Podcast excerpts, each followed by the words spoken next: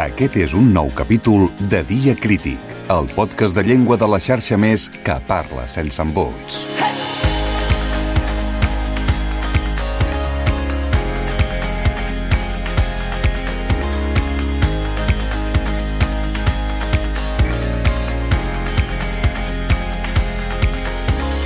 Avui parlem d'en Xavier Amorós i Solà.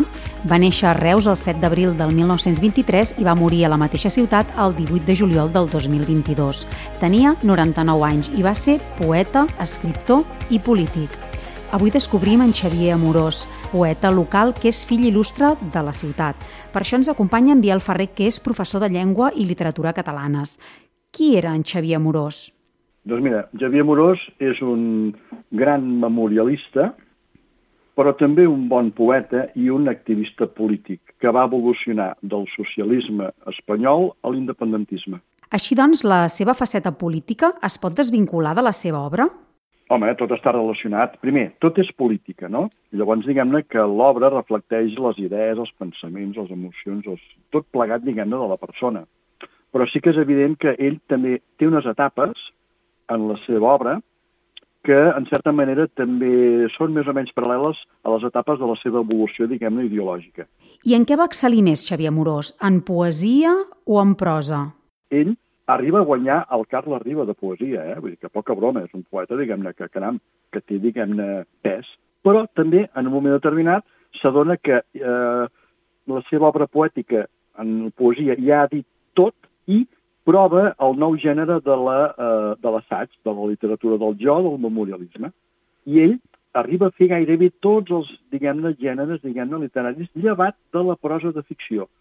Però fa poesia, articulisme, memorialisme, teatre, perquè Reus és una ciutat on hi ha una gran tradició de teatre, i ell prova de fer teatre, té algunes obres eh, fetes i publicades, però té, diguem-ne, aquesta diversitat que podem eh, eh, dibuixar cronològicament, però també per diversitat de gèneres. Quines són les etapes de l'obra poètica de Xavier Amorós? Mira, doncs, té dues etapes molt ben definides i molt ben estudiades pel seu fill, Xavier Amorós Corbella, perquè tant el fill petit, el Xavier, com la filla, la Maria Lluïsa, són escriptors. La Maria Lluïsa Amorós eh, Corbella és una novel·lista de novel·la juvenil i d'adults prolífica, molt prolífica i, i valorada, i el seu fill Xavier també. Llavors, el seu fill ha fet, va, fa una anàlisi de l'evolució de l'obra del seu pare, poètica, i el llenguatge canvia. Del llenguatge de la Catalunya ideal, del noucentisme, d'aquest llenguatge, diguem-ne, tan formal i tan culte i erudit, passa a fer realisme històric. I, per tant, passa a fer realisme històric, però no en el sentit, diguem més pamfletari de la, del realisme històric, sinó que eh, a partir de la quotidianitat de la postguerra, del, del carrer, ell és botiguer, perquè ell té una botiga de venda de roba per senyores. Eh? I aleshores, diguem-ne que ell, aquest eh, seu estar al carrer, aquest tracte, el retrata, eh, reflexiona a partir d'aquestes accions aquestes vivències quotidianes a la seva poesia i encabat també en prosa no de ficció. Fa les seves memòries explicant totes aquestes seves eh, vivències de, de la botiga, del seu activisme polític, de la seva relació amb la gent, sobretot de Reus, perquè el seu paisatge, diguem-ne, eh, humà i poètic és Reus i també Paradell de la Teixeta, que ell, eh, la seva família ve d'aquest poblet del Priorat tocant al Baix Camp. I com evoluciona la seva obra? eh, primer de tot, ell eh, escriu poesia, eh, i té una obra que va dels anys eh, 40 als 60. Eh? La primera època és la seva època, diguem-ne, de, po de poeta. I tot seguit comença els, la seva etapa, diguem-ne, com a prosista. Com a articulista, ell escriu molts articles a la premsa local, comarcal, fins i tot nacional, i prova eh, de fer eh, unes memòries, unes primeres memòries de la seva infantesa fins a l'adolescència, que és l'agulla en un paller, i caram, mm, se'n surt.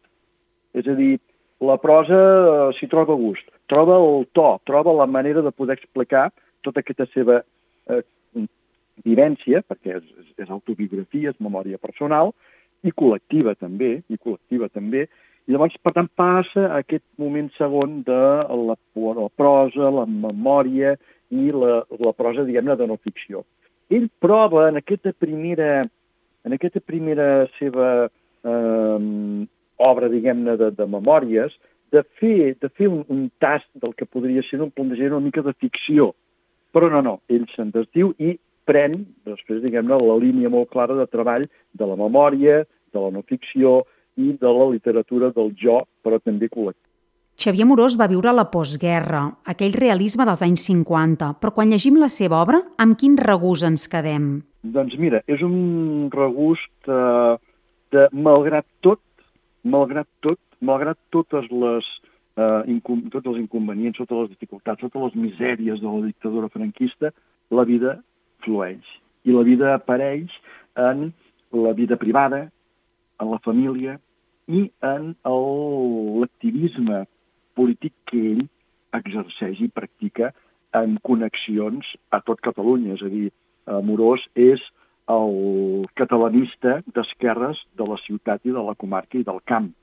I per tant, diguem-ne que ell eh, viu aquest, eh, seva, aquesta seva experiència de la postguerra, refugiant-se en aquest clos, diguem-ne, familiar, però també en el clos, diguem-ne, del centre de lectura, de les lectures privades, de les petites activitats públiques que s'hi puguin arribar a fer, però eh, també, diguem-ne, desplegant el seu, el, el seu diguem-ne, activisme polític de, catalanista d'esquerres. I per últim, m'agradaria preguntar-te si tens algun record personal amb en Xavier Amorós. Amorós sempre te tenia, sempre eh, deia eh, que a veure si escrius, ensenya'm, parlem-ne, comentem-ho, què t'ha semblat aquest uh, meu llibre? Que, sempre una persona molt de la conversa, d'interactuar, amable, uh, cordial, uh, generós, absolutament assequible. I, per exemple, recordo haver anat a, allà doncs, en la meva primera parella lingüística, jo soc voluntari lingüístic, i vam anar a casa seva,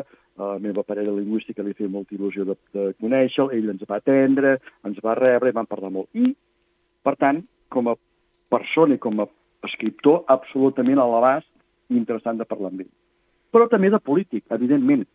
Mira, va ser ell qui en aquesta evolució, perquè clar, sabem que el socialista, el socialisme pot degenerar cap al falangisme, que és el que ha passat ara amb el Partit dels Socialistes de Catalunya, però cap a l'independentisme, i ell va fer aquesta evolució, diguem-ne, cap a l'independentisme, no?